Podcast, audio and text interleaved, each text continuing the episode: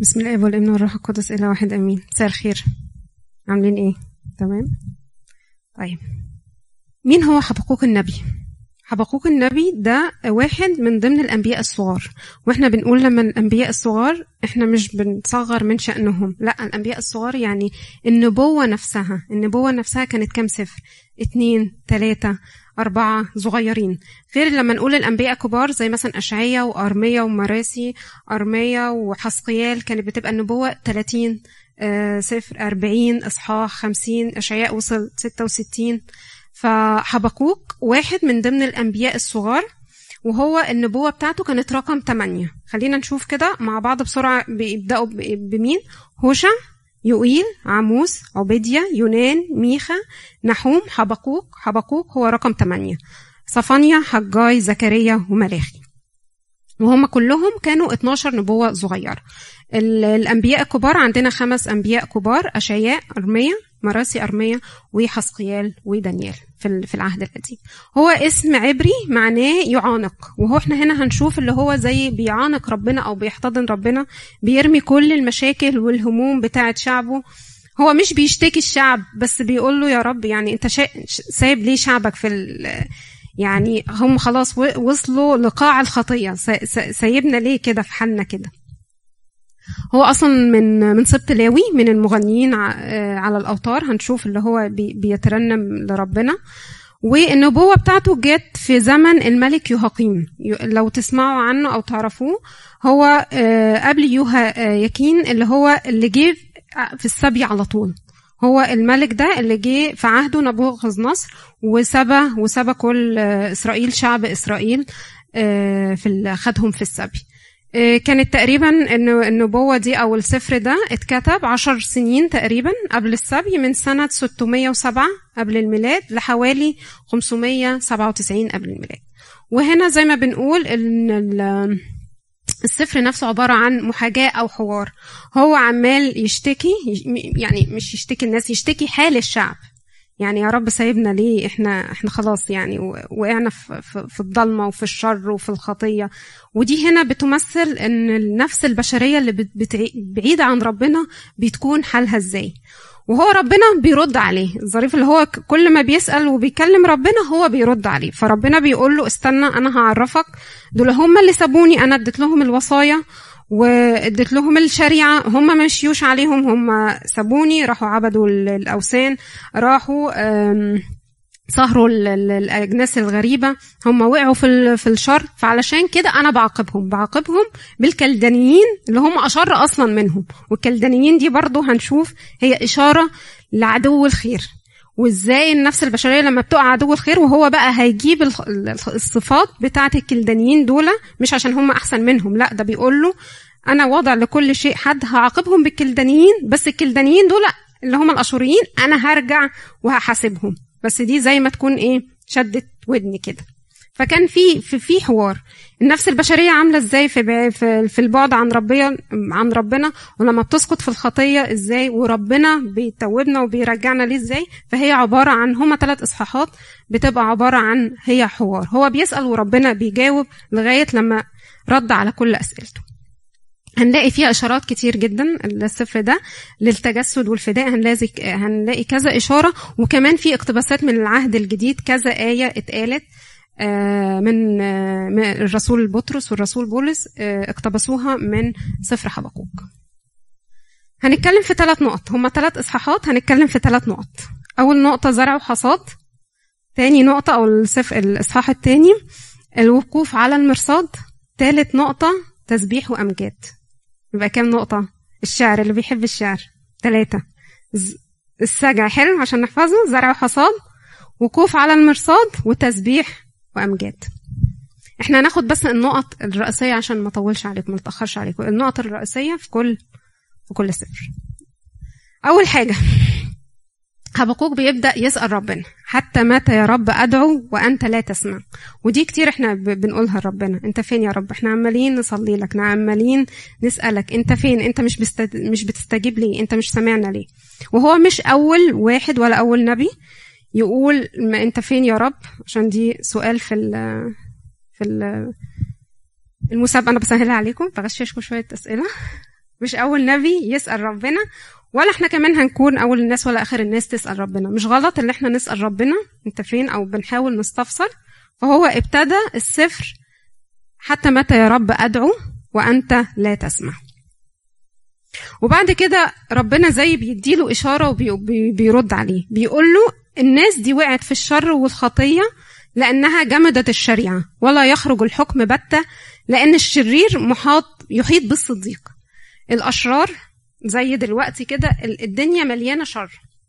والعالم كله مليان بالخطية. عشان كده جمدت الشريعة دي اللي هو إيه؟ اتركنت على جنب. مفيش حد بيعمل فيها. جمدت الشريعة دي كان أبونا داود لما كان بيدي تفسير بيقول زي كده ما كان إيه؟ اتحطت في التلاج جمدت الشريعة. مفيش حد بيعمل بيها. عشان كده الشر صوته عالي والضلمة صوتها عالية حوالينا. لأنه بعد كده بيقول فذلك يخرج الحكم معوجا. كل ما هنلاقي ظلم وكل ما هنلاقي الشر بيزيد معنى كده إن مفيش حد بيعمل أو صوت الشر اعلى أعلى من من من صوت الخير. لأن مفيش حد بيعمل كلام ربنا. هو بيقول طريق آه، سراج لرجلي كلامك. طول ما أنا همشي بالسراج ده أنا همشي في في الطريق الصح. طول ما أحط السراج ده على جنب أنا مش هعرف أمشي في الطريق ولا هعرف أوصل. في الطريق بتاعي. وبعد كده بيرد عليه ربنا وبيقول له لأني عملا أعمل في أيامكم عملا لا تصدقون أن أخبر أخبركم أحد به. وهنا الرسول بولس في, في أعمال الرسل يعني استشف اقتبس الجزء دوا إنني عملا أعمل في أيامكم عملا لا تصدقون أن أخبر أحد به الرسول بولس هنا كان قصده على الفداء. هو هنا قصد بيه الفداء والخلاص. ده ربنا الإله الوحيد هيتجسد وياخد صورة جسد وهيجي ويتصلب وهيموت علشان ياخد خطايانا. وهيدوس الموت وهيقوم عشان يدينا النصرة ونروح مع السماء. لكن هو هنا فهمها أو وروا إشارة ليها اللي هو الكلدانيين أو الأشوريين هيجوا هيجوا يسبوا شعب الإسرائيل فها أنا ذا مقيم الكلدانيين الأمة المارة القاحمة السالكة في رحاب الأرض لتملك مساكن ليس لها. العمل اللي أنا هقول لك عليه ده مش هتصدقه بس هو السبي هيجي وهياخد الناس دي. الأمة القاحمة السالكة في رحاب الأرض. بتفكرنا في حد افتكر حاجة؟ سفر أيوب. لما جه الإبليس وقف قدام ربنا قال له من أين جئت؟ قال له إيه؟ في الجولان في الأرض. هو التمشي بها عمال يقول هنا وهنا. قال له رحاب الأرض لتملك مساكن ليس لها. إبليس عشان يجي يسكن في الإنسان وعايز ياخد روح الإنسان ويروح بيها على الجحيم. لا بس المفروض يكون إيه؟ جسدنا إحنا هو هيكل الله وروح الله ساكن فيه. روح القدوس لو ما سكنش فيه يبقى مين؟ هيكون مين؟ إبليس هو اللي هيبرطع في في الجسد ده. فهو بيقول له استنى أنا هفهمك. أنت مش عارف ده كله بيحصل ليه؟ ده هم هم اللي سابوني وهم اللي تركوني. فأنا هعاقبهم بالكلدانيين اللي هيجوا يسبوهم في آية في سفر الأمثال 16 بتقول الرب صنع الكل لغرضه والشرير أيضا ليوم الشر. حتى في المقصد في الشر ده ربنا ليه خطة عشان ينفذ فيها مشيئته. حتى لو كلدانيين أو السبي ده فيه شر بس عشان ينفذ فيها مشيئته. فسواء خير سواء شر هو ربنا هو اللي ضابط الكل وهو اللي بيرتب كل الأحداث لأن إيه؟ تتم مشيئته. وبعد كده بيقول لهم على الكلدانيين اللي هم أصلا رمز العدو الخير وخيلها أسرع من النمور ويطيرون كالنسر المسرع إلى الأكل. عايز يلتهم الفريسة بتاعته عايز يلتهم الإنسان والنفس البشرية بأي شكل. زي ما بطرس الرسول بيقول في رسالته الأولى إبليس خصمكم كأسد زائر. هي هي نفس الإشارة. هو بيقول له هنا ده سريع وهنا بيقول كأسد. كأسد زائر يجول ملتمسا من يبتلعه. وهي تسخر من الملوك والرؤساء ضحكة لها. وبيقول كمان في سفر أمثال سبعة لأنها طرحت كثيرين جرحى وكل قتلها أقوياء. الخطية والإبليس هو عارف القوي اللي هو اللي شايف نفسه أنا قوي زي داوود كده. داوود محدش يصدق اللي هو وقع في الزنا والقتل اللي هو كان بيسبح ربنا وبيصلي له سبع مرات في اليوم راح للحد القوي ووقعه. هي تسخر من الملوك والرؤساء وطرحت كثيرين جرحى وكل قتلاها أقوياء. هو ده إبليس على النفس البشرية عشان عايز يقتنصها بعد كده حبقوك رجع ورد عليه. ألست أنت منذ الأزل يا رب إلهي قدوسي؟ طب هو ليه ما قالش يا إله يا قدوس؟ ليه إلهي قدوسي؟ زي كده علاقة وثيقة أو وطيدة. زي ما بيكلموا كده إلهي أنا قدوسي أنا. تحسوها كده إيه علاقة صداقة ما بين اتنين. مش كان ممكن يقول له إله قدوس. زي ما بطرس بولس الرسول بيقول الذي أحبني وأسلم نفسه لأجلي. كأنه كده بيقول له لو أنا حتى الوحيدة اللي في الأرض أنت برضه برضه هتتجسد وتيجي وتتصلب علشاني فهو حس إيه قرب منه أو العلاقة بقت وطيدة قوي لدرجه درجة اللي هو بيقول له إيه أنت إله أنت أنت قدوس أنت بتاعي أنا يعني. لا نموت. يا الرب الحكم جعلته يا صخرة للتأديب أسستها هو فهم هو فهم إن هنا ربنا بيقدم شعبه علشان كده بعت لهم الكلدانيين للسبي. ويجمعون سبيا كالرمل. ده مين اللي بيرجع عايز يجمع السبي ويخطف النفوس كالرمل؟ هو عدو الخير زي ما بيقول في أمثال 30 الهوية والرحم العقيم وأرض لا تشبع ماء والنار لا تقول كفى. الهوية والنار.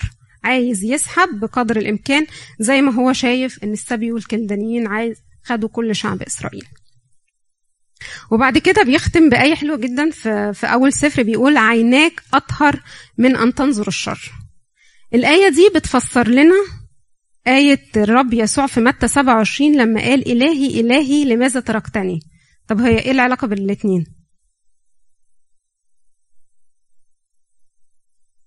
بالظبط كده زي ما إرمين بتقول. أنت مش شايف الخطية. أقنوم الابن على الصليب بيكلم أقنوم الآب وبيقول له إلهي إلهي لماذا تركتني؟ في ناس بتقول هو اللاهوت آه، انفصل عن الناسوت لا حاشا. اللاهوت لم يفارق الناسوت لحظة واحدة ولا طرفة عين. أمال ليه بيقول له إلهي إلهي لماذا تركتني؟ وكنوم الابن لأنه هو كان بيتحمل كل الخطايا اللي عملناها وعمال في ربنا يسدد في كل الخطايا اللي إحنا عملناها واللي هنعملها. ايا كان بقى كذب غش خناق. قولوا زي ما تقولوا بقى يعني اي حاجة أي حاجة. فهو عيناه أطهر من أن تنظر الشر. فهو مش مش قادر مش قادر يتحمل اللي هو قدوس اللي هو يسدد خطايانا فعمال يقول له الهي الهي لماذا تركتني؟ ليه تركتني؟ أنت سايبني ليه أسدد الخطايا؟ لأنه عيناه أطهر من تنظر الشر وهو عمال يسدد كل خطايا خطايا البشرية عشان يفتح لهم سكة للسماء. فالآية دي تفسير تفسير لإله إله لماذا تركتني؟ لأنه عيناه أطهر من أن تنظر الشر. السفر الأول الإصحاح الأول. الإصحاح الثاني بدأ بالوقوف على المرصاد. المرصاد دي زي كده زي فنارة كده أو حاجة عالية. هو بيقال له قال له أنا هقف على المرصاد وهفضل برضو أسأل معاك وأنت تجاوبني.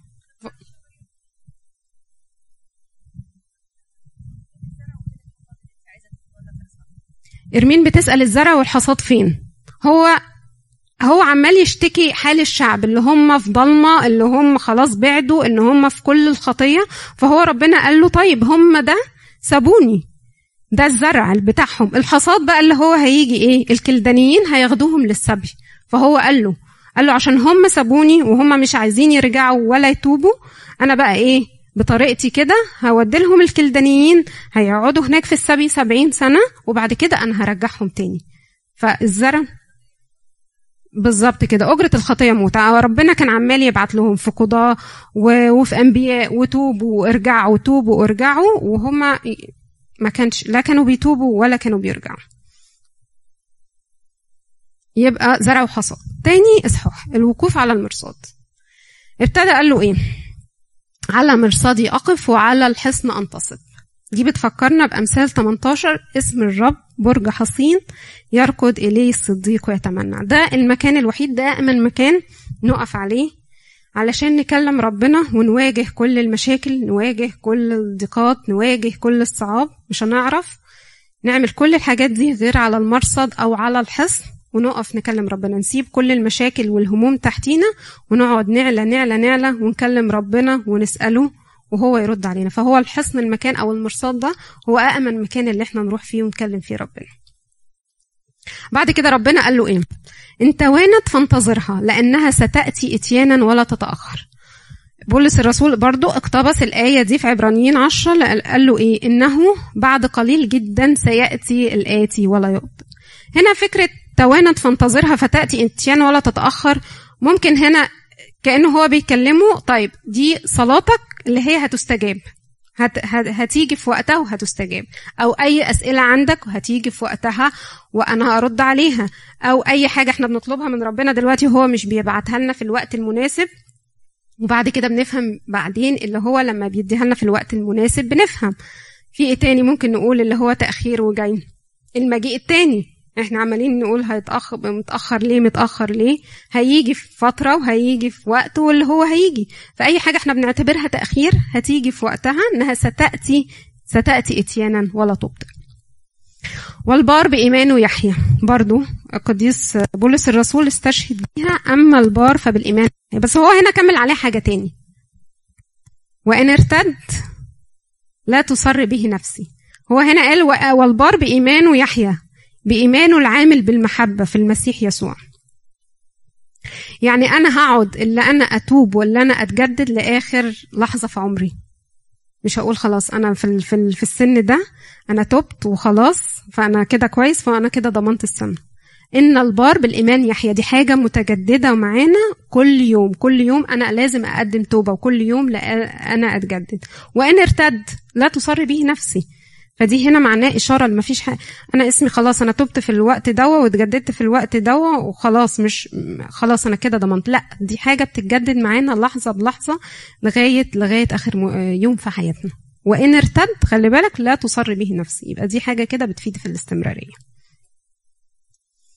طيب رد عليه بحاجة تاني. وحقا إن الخمر غادرة. خلي بالكم إحنا بناخد إيه؟ العناوين الرئيسية الخمر غادرة. دي آية من ضمن آيات كتير بتأكد إن المسيحية مش بت مش بتحلل إذا إذا جاز التعبير يعني مش بتحلل أو بتمنع أو مش بترضي بالخمرة. عشان ناس كتيرة بتمسك في الآية اللي بتقول إيه بتاعت بولس الرسول لتيميساوس إن الخمرة قليلة تصلح لأسقامك الكثيرة. وبتنسى تقول السكرون لا يدخلون لا يرثون الملكوت وبتنسى إن الخمر غادرة وبتنسى اللي هي بتلسع كالأفعوان وبتنسى اللي هو هيكل الله وروح الله ساكن فيكم الخمر غادرة. ما آية من ضمن آيات كتير بتأكد إن المسيحية مش بترضي بالخمر لو أنا قلت لا أنا هشرب لغاية كده بس هو بيقول لا سكرين فأنا هشرب لغاية أنا مش هسكر هو مش مش هينفع كده. ولا دي مش عارفة نسبتها كام ولا لا أنا مش هعمل حاجة الفل... لا ما دام في لسه أنا يعني بفاصل في الحاجة بفاصل لسه في الآية دي وفي الموضوع دي يبقى كده لسه النعمة ما دخلتش القلب كله ولا نظفته ولا ولا نورته. في إنجيل لوقا بيقول كمان إيه مش بس الخمرة الكحوليات لأ ده بيقول كمان في خمرة من نوع تاني حاسب لا تسرق وقتك وتسرق عمرك وتضيعك. في لقا 21 بتقول فاحترزوا لأنفسكم لئلا تثقل قلوبكم في خمار وسكر وهموم الحياة. يعني الحياة دي فيها خمار وسكر وهموم الحياة. كنت في مرة في ماشية كده في, في, في مكان ففي محل مكتوب عليه ورك هوليك الناس اللي هي مدمنة الشغل الناس اللي هي بتشتغل 24 ساعة و 48 ساعة. مش الشغل مش غلط ولا ولا كتره مش غلط لا دي يعني في ناس يا دوب بتشتغل يعني يا دوب عشان تقضي الاحتياجات. حتى أبونا في مرة قال ربنا مش عايز ت... آه، اللي إحنا نكرس له كل الوقت. اشتغل زي ما انت عارف بس إيه كل القلب. دي أنا أنا اتعلمتها من أبونا. بس في ناس بتحط كل همها في الشغل عشان تهرب من حاجات تانية. ان هي هنسى كل حاجة تاني وبس عشان هجري ورا الشغل. هجري ورا الشغل بقى عشان إيه؟ أهرب من حاجة تاني. أحقق طموحي أحقق ذاتي. وانسى بقى ربنا وانسى الخدمة وانسى الناس وانسى العيلة وانسى أي حاجة تاني. ده لوحده اسمه خمار وسكر وهموم الحياة. فده نوع تاني. فهو بيقول لنا إذا كانت الخمرة غادرة المشروب نفسه أو حاسب لحسن تكون الحياة فيها خمرة تاني من نوع تاني واخداك في حتة وانت مش مش شايف انت رايح فين. ويل للمكسب بيته كسبا شريرا ليجعل عشه في العلو. دي ويل من ضمن خمس ويلات سؤال تاني في المسابقة أهو بغششه لكم كريستين كريستين مش هتسامحني. ويل للمكسب بيته كسبا شريرا ليجعل عشه في العلو. لو أنا بجري ورا مكسب أو خدت حاجة مش حقي أو جرت على حق حد أو خدت أي مكسب بأي طريقة مش صح علشان أنا أقول أنا أعلي نفسي ربنا بيقول النهارده يا ويلو. طيب حصل حصل وخدت وأعمل إيه؟ أتوب. باب التوبة مفتوح. ما دام في لسه نفس طالع وداخل باب التوبة مفتوح. لما بيقول الكتاب الصديق يسقط في اليوم سبع مرات ويكون ما بالكم إحنا يعني الغلابة هنعمل إيه؟ فأمثال 16 بيقول القليل مع العدل خير خير من دخل جزيل بغير حق. حتى لو حاجة قليلة ما خافش. ربنا هيبارك فيه. ما دام جاي بالطريق الصح وجاي بالطريق الأمانة هو ربنا دي بقى دي وظيفته. هو شغله. هو هيبارك فيه أحسن من دخل جزيل بغير حق. ليه؟ لأن الشعوب يتعبون للنار. كل ما أنا ماشي في طريق الخطية وفي طريق الضلمة أنا كده بتعب كأني بجري عشان أروح النار. مش مش هتوديني في حتة تاني. زي في متى 25 بيقول اذهبوا عني يا ملعين إلى النار الأبدية المعدة لإبليس وملائكته. ربنا لما خلق النار ما خلقهاش للإنسان ده خلقها للشيطان اللي هو هيروح فيه هو وأتباعه. أمال هنا بيقول لإيه للناس؟ للناس هنا اللي هي رايح للنار برجليه هو ربنا ما خلقش النار لل... للإنسان هو خلقها لإبليس و... و... وأجناده. لكن الناس هي اللي بتروح للنار لأن هي ماشية في الطريق في الطريق الضلمة ده ومش عايزة تتغيره إن الأرض تمتلئ من معرفة مجد الرب كما تغطي المياه البحر. آية حلوة جدا جدا. أنتوا عارفين لما المحيطات أو البحور العميقة الأرض ما تعرفش تجيب ما تعرفش تجيب آخرها. بتبقى بالآلاف الأميال. بتبقى آلاف الأميال. هو كده. الأرض تمتلئ من معرفة مجد الرب. مجد الرب والكلمة والإنجيل البشارة الجيدة أو البشارة السارة لازم هتغطي هتغطي كل المسكونة. ودلوقتي إحنا شايفين على الإنترنت على اليوتيوب كل كلمة ربنا وكل الإنجيل بقى, بقى الدول اللي كانت منع الإنجيل يدخل لها وبتخاف وبترتعب موت لو شافت حد ماسك الإنجيل دخل لهم. دخل لهم برضو إيه؟ كلمة ربنا دخلت لهم من الهوى إن الأرض تمتلئ من معرفة مجد الرب كما تغطي المياه البحر. لأن دي نبوة وده وعد من ربنا. وما دام ربنا قال وعد يبقى لازم يتحقق. في إنجيل متى 24 بيقول ويكرز ببشارة الملكوت هذه في كل المسكونة شهادة لجميع الأمم ثم يأتي المنتهى في وعد ربنا قاله قال المجيء التاني مش هيجي لغاية لما كل العالم تسمع بالإنجيل. علشان إيه؟ علشان كل واحد يقول أنا ما, أنا ما جاتليش الفرصة أو أنا ما سمعتش أو أنا ما عرفتش. بقى أنت بالعذر أيها الإنسان. طبعا بالنسبة لنا إحنا الموضوع أسهل كتير لأن إحنا مولودين في النعمة. مولودين من أب وأم مسيحيين متعمدين جايين الكنيسة بنتناول الأسرار. في ناس تانية بقى اللي هي بتيجي من خلفيات أخرى دي الدنيا أصعب كتير جدا جدا عليهم بس إحنا مش حاسين بالنعمة دي لأن إحنا مولودين في النعمة. ده الإصحاح التاني. حد عنده أسئلة لغاية دلوقتي؟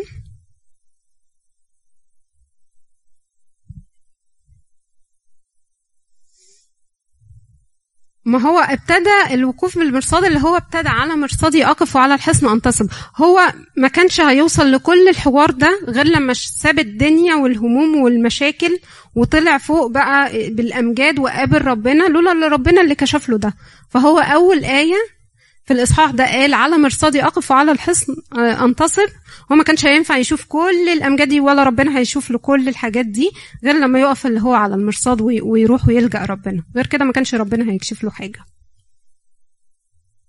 تسبيح وأمجاد. بيبتدي وبيقول الله جاء من تيمان والقدوس من جبل فران إشارة إشارة واضحة وصريحة للتجسد. الله جاء ده تجسد على طول. من تيمان وجبل فران دي دي حتة ما بين مصر مصر وفلسطين اللي هي في اليهودية اللي الحتة اللي اتولد فيها السيد المسيح. لأن زي ما السيد المسيح كان بيكلم السامرية في يوحنا أربعة قال لها لأن الخلاص هو من اليهود. ادالها كده إشارة. فهنا بتأكد لنا معنى الآية. وكان لمعان كالنور له من يده شعاع. لمعان من نور وله يد. إشارة تانية بتأكد اللي هي التجسد له يد. هو الله من غير قبل ما يظهر في الجسد ملوش حدود. لكن لما تجسد في إنسان بقاله بقاله يد. زي ما بيقول في متى واحد فستلد ابنا وتدعو اسمه يسوع لأنه يخلص شعبه من خطيه قدامه ذهب الوباء. الكلمة اللي إحنا بنقولها كتير الجملة الآية اللي إحنا بنقولها كتير من ساعة كورونا بجد. وعند رجليه خرجت الحمى. هنا ممكن ناخدها بالفعلا اللي هي المعنى الحرفي. في أي وباء طبعا ربنا يدوس عليه برجليه ويختفي في وقته في وقته وفي حينه اللي هو شايفه. أو ممكن اللي هي وباء الخطية وباء الخطية اللي هو مستشري مستشري فينا لما بنبعد من ربنا. هو ليه هو ليه السلطان لما بنرجع وبنتوب هو ممكن يوقف وباء الخطية دي. زي ما بيقول في كلوسي الأولى ولكن شكرا لله الذي يعطينا الغلبة. هي دي الغلبة بربنا يسوع المسيح. يعني ربنا الغلبة بربنا هي اللي تقدر تدوس على أي خطية واسم. نظرت فرجفت الأمم ودكدت جبال الدهرية مسالك الأزل له. هنا بتورينا أزلية وأبدية السيد المسيح. مفيش حاجة هتقف قدام ربنا مهما كانت الجبال العالية الجبال على طول تبقى منخفضة وسهولة زي في زكريا أربعة بيقول من أنت أيها الجبل العظيم؟ أمام زروبابل. تصير سهلا فيخرج حجر الزاوية. حجر الزاوية طبعا بتدل على السيد المسيح اللي هو بيبقى في النص. لو أي كان بناء أو حاجة في العهد القديم كان لازم يحطوا حجر الزاوية في النص عشان يعملوا العواميد أو يبنوا البناء ده. ومش زي دلوقتي الأساسات هي اللي بتطلع وال... وبعد كده المبنى. لا كان لازم يبتدوا بحجر الزاوية اللي في النص عشان كده السيد المسيح اتقال عليه حجر الزاوية. من غيره ما كانش أي حاجة هتقول. فيخرج حجر الزاوية بين الهاتفين. كرامة كرامة له. بعد كده بيقول له سبعيات سهام كلمتك. اشمعنى سبعيات؟ سبعيات هي رقم سبعة عموما في, في الكتاب المقدس هي بترمز للكمال. كمان من المفسرين بيقولوا سبعيات سهام كلمتك دي السبع كلمات أو السبع جمل اللي قالهم السيد المسيح على الصليب. حد يعرفهم؟ موجودين قدامنا. يا أبتاه اغفر لهم لأنهم لا يدرون أو لا يعلمون ماذا يفعلون. الثانية اليوم تكون معي في الفردوس. هوذا ابنك هوذا أمك لما قال ليوحنا الحبيب والست العذراء. بعد كده رقم أربعة إلهي إلهي لماذا تركتني؟ خمسة أنا عطشان. ستة قد أكمل. وسبعة يا أبتاه في يديك أستودع روحي. تحبوا نعدي عليهم كده بسرعة؟ يا أبتاه شوف في الأول أول آية وآخر آية بيقول يا أبتاه أقنوم الإبن. بيتكلم أقنوم الآب. هو في الشخص واحد الرب يسوع. ورقم أربعة اللي هي في النص بيقول له إلهي إلهي لماذا تركتني؟ اللي إحنا كنا لسه مفسرينها وقلنا إيه تفسيرها؟ عيناك أطهر من أن تنظر الشر. اللاهوت لم يفارق الناسوت ده هو عيناه أطهر من أن تنظر الشر. فهو ما كانش مستحمل وهو كان بيسدد خطايانا. يا أبتاه اغفر لهم لأنهم لا, يد... لا يعلمون ماذا يفعلون. لو تفتكروا في, في العهد القديم كان موسى لما ادالهم الشريعة قال لهم ست مدن للملجأ. لو أي إنسان قتل واحد سهوا يهرب لمدن الملجأ دي. لو هرب لمدن الملجأ خلاص هو كده حق الموت سقط عليه. فهي نفس الآية ونفس الفكرة هو ربنا حول اللي هي نتيجة إيه؟ الموت الموت عمدا للموت سهو القتل عمدا للقتل سهو. بيقول له ليه أبتي أغفر لهم؟ لأنهم لا يعلمون ماذا يفعلون. بيحاول يحول قضيتنا إحنا الخسرانة الموت بالعمد اللي إحنا أخطينا وقعنا وسقطنا. بنفسنا وإحنا إحنا اللي جرينا ورا الشر لأنهم لا لا يعلمون ماذا يفعلون. فهي دي كأن الصليب مدن من مدن الملجأ اللي هي كانت إشارة ليها في العهد القديم. اليوم تكن معي في الفردوس ديماس اللص التائب أو اللص اليمين لما كان ربنا توبه يعني أو هو تاب في آخر لحظة. ما كانش مهتم إلا بالألمات اللي هو فيه وما كانش عارف يتنفس وكل العذابات لكن كان بيهتم بخلاص شخص. وهنا بتدينا رجاء حتى لو التوبة حصلت في آخر لحظة. اليوم تكون معي في الفردوس. هوذا ابنك القديسة الست العذراء مريم بيقول يوحنا الحبيب لأن هو الوحيد من تلاميذه اللي وصل معاه للصليب. فدي كانت أحلى مكافأة اداها له. قال له هوذا أمك. ودي برضو رسالة لينا كلنا إن إن الرب يسوع النهارده بيقول لنا إيه عن الست العذراء؟ هوذا أمك. إلهي إلهي لماذا تركتني؟ زي ما إحنا قلنا عيناه أطهر من أن تنظر, تنظر الشر. أنا عطشان سيد المسيح بس علشان تتم النبوات. قلنا ما دام في نبوة أو في وعد قاله ما كانش ينفع ينزل من على الصليب من غير لما النبوة من ضمن 48 نبوة اتحققت بس في يوم الصلب. قد أكمل شاف كل حاجة على الصليب اللي هي خلصت قد أكمل. كان بيقولها اللي هي الملوك باليونانية كان اسمها τετέλεσται آه والملوك وهم منتظرين منتصرين وراجعين من الحرب كانوا بيقولوا قد أكمل يعني هم انتصروا على العدو بالكامل. ويا أبتاه في يديك أستودع روحي. أسلم الروح ونكس الرأس. دول السبع جمل اللي قالهم السيد المسيح على الصليب وهنا إشارة لسبعيات سهام كلمتك فإحنا هنا عرفنا ليه سبعيات. خرجت لخلاص شعبك لخلاص مسيحك. ثقبت بسهامه رأس قبائله. نفس الفكرة في رؤية ستة لما بيقول فنظرت وإذ فرس أبيض يوحنا الحبيب والجالس عليه معه قوس وقد أعطى إكليلا وخرج غالب وكي يغلب. هو هنا شاف بالروح السيد المسيح وهو خارج وهو منتصر على آه، أجناد الشر وإبليس وأتباعه. وهنا برضو بيقول له خرجت لخلاص خرجت من عند الآب ودخلت لعالمنا. هي دي معنى خرجت. لخلاص شعبك إشارة للصليب. لخلاص مسيحك الممسوح منك. سقبت بسهام رأس قبائله. سحقت رأس بيت الشرير. سحقت رأس بيت الشرير. تكوين ثلاثة هو يسحق رأسك. أول ما الحية وقعت حواء أول وعد قال هو يسحق رأسك. خلي بالكم لما الرب في ظهراته يعني في العهد القديم راح لموسى وقال له إيه؟ أول حاجة للحية. قال له الآية اللي تعملها قدام فرعون. قال له امسك الذنب. امسك الديل. مش حد يقدر على راس الافعى غير السيد المسيح. لكن هو موسى حتى لما إحنا ادالنا السلطان ها أنا اعطيكم السلطان ان تدوسوا الحياة والعقارب. إحنا يا دوب بنتحامى كده فيه بس يا دوب يعني قالوش ما ت... حدش يقدر يقدر يدوس على راس الشر راس إبليس غير السيد المسيح. لكن موسى لما راح قال له قال له يا دوب انت تمسك الذنب تزيل. لكن هو السيد المسيح لأنه هو القدوس اللي بلا خطيه هو الوحيد اللي ليه الحق اللي هو يقول سحقت رأس بيت الشرير. معريا الأساس حتى العنق. في كلوس اتنين بيقول إذ جردت الرياسات والسلاطين أشهرهم جهارا طلق خلاص أظهر كل حاجة. أظهر بقى إبليس وداس عليه بجنوده وأعوانه وكل قوى الشر. ظافرا بهم فيه في الصليب. في الصليب حصلت النصرة. فهي جرد الرئاسات والسلاطين وهو يسحق رأسك بتأكد لنا معنى سحقت رأس بيت الشرير معريا الأساس حتى العنق في حد عنده أسئلة لغاية دلوقتي؟ أنتوا معايا؟ جينا لآخر حتة اللي إحنا كلنا عارفينها فمع أنه لا يظهر التين ولا يكون حمل في الكروم. يجذب عمل الزيتونة والحقول لا تصنع طعاما. ينقطع الغنم من الحظيرة ولا بقر في المزاود فإني أبتهج بالرب وأفرح بإله خلاصي. الرب السيد قوتي ويجعل قدمي كالأيائل ويمشيني على مرتفعاتي. هي يمشيني على مرتفعاتي دي؟ فاكرين المرصاد والحصن اللي إحنا قلنا وقفنا عليه؟ هو ما كانش هيعرف يقول التسبيحة دي غير لما يقف على المرصاد وغير لما يشوف حاله وظروفه وحال شعبه واليأس. هو خلاص قال له خلاص يا رب أنا سلمت وعرفت اللي انت بتدي انت بعت السبي ده علشان آه، تخلي يعني آه، تجيب يعني إيه انتباههم. خلاص أنا عرفت دلوقتي اللي انت شديت عليهم وفهمت واللي انت وريتني وعرفت كل حاجة خلاص انت دلوقتي مشيتني على مرتفعاتي وهو ابتدى يقول التسبيحة دي. متهيألي لو هو وقف ما وقفش على المرصاد ولا وقف على الحصن هو ما كانش هيوصل ويقول اللي هي التسبيحة دي.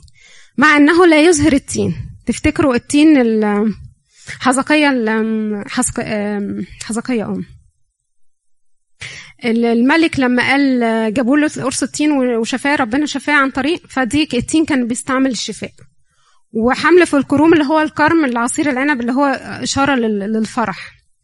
الزيتونة الزيتونة اللي هي كانت بتطلع إيه؟ زيت اللي هي بتستعمل للاناره شوفوا ده يعني ما فيش أي حاجة. يعني لا الصحة كويسة ولا في فرح ولا في حتى نور كان بيضيق له ولا الحقول تصنع طعاما ما فيش أكل ينقطع الغنم من الحظيرة ولا البقر من المزاود. يعني ما فيش حتى كانت ذبيحة بتقدمها. يعني إيه؟ الحالة الاجتماعية صفر المادية الصحية النفسية كله عنده صفر. هو وصل للحالة دي إزاي؟ مش عارفة. بس هو هو غالبا هو بيقول مشي على المرتفعات لولا اللي هو طلع على الحصن وعلى المرصاد وقف وابتدى يناجي ربنا وكشف له على كل اللي في قلبه وربنا وراله إيه بالظبط اللي هي الخطة. ما تخافش ده أنا بس برجعهم ليا تاني بس الناس دول أنا هعاقبهم وهرجعهم تاني. لولا اللي هو ابتدى وقال له خلاص ولا في حاجة من ده كله بس برضو أنا بفرح بيك. الرب السيد قوتي القوة بتاعتي ويجعل قدمي كالأيال. الأيال ده حيوان عامل زي البجعة كده أو حاجة شبهها. رجلها رفيعة صغيرة قوي يا دوب بتنط كده عمالة تنط حتى رجلها ما بتلمسش الأرض. لا هي حاجة زي حاجة زي كده يعني بس حتى رجليها على طول بتنط وبتطير كأنه يعني في علاقته مع ربنا اللي هو إيه رجليه حتى مش طايلة الأرض مش لامسة الأرض على طول كده كأنه في حياته الروحية اللي هي طاير طاير مع ربنا طير. مريان ليكي سؤال ورا؟ ويجعل قدمي كالأيائل ويمشيني على على مرتفعاتي. أنا استفدت هنا من السفر إيه؟ السفر صغير ثلاث إصحاحات. شفت الحوار والمناجاة ما بين ربنا وما بين حبقوق هو عمال يشكي له حال الشعب. خلي بالكم هو ما قالش زي إيليا هدموا مذابحك وبقيت أنا وحدي وما فيش أي حد وقتلوا أنبيائك وقعد يقول له كده. ده بالعكس ده هو بيرسي لحال شعبه. الحقنا يا رب إحنا في ضلمة ما قالش زي إيليا. الحقني أنا لوحدي ما فيش حد الناس كلها هربت وسايبني هو ما قالش كده. قال له ده إحنا كلنا في ضلمة تعالى انجدنا. فربنا بقى كشف له على خطة السبي واللي هو هيرجع الناس ليه. زي ما كده الخادم الحلو بيقول يا رب تعالى وطهر قلبنا وخلينا نمشي في طريقك. فربنا على طول هيرد عليه. لما بيلاقي حد بيصلي للناس كلها وشايف فعلا طريق التوبة هو يقدر يفتح له طريق. استفدنا إيه؟ قلب المفتوح أمام الله. على طول هو ما ما خلصوش حال الشعب والازدراء اللي هو فيه. القلب المفتوح من نحو المخدومين هو شايف حال شعبه إيه وطبيعة شعبه إيه والقلب المملوء فرح وتسبيحا. كل ما إيه ساب كل حاجة عند ربنا ابتدى يسبح ابتدى يسبح ربنا. إلهنا كل مجد وكرامة الأبد أمين.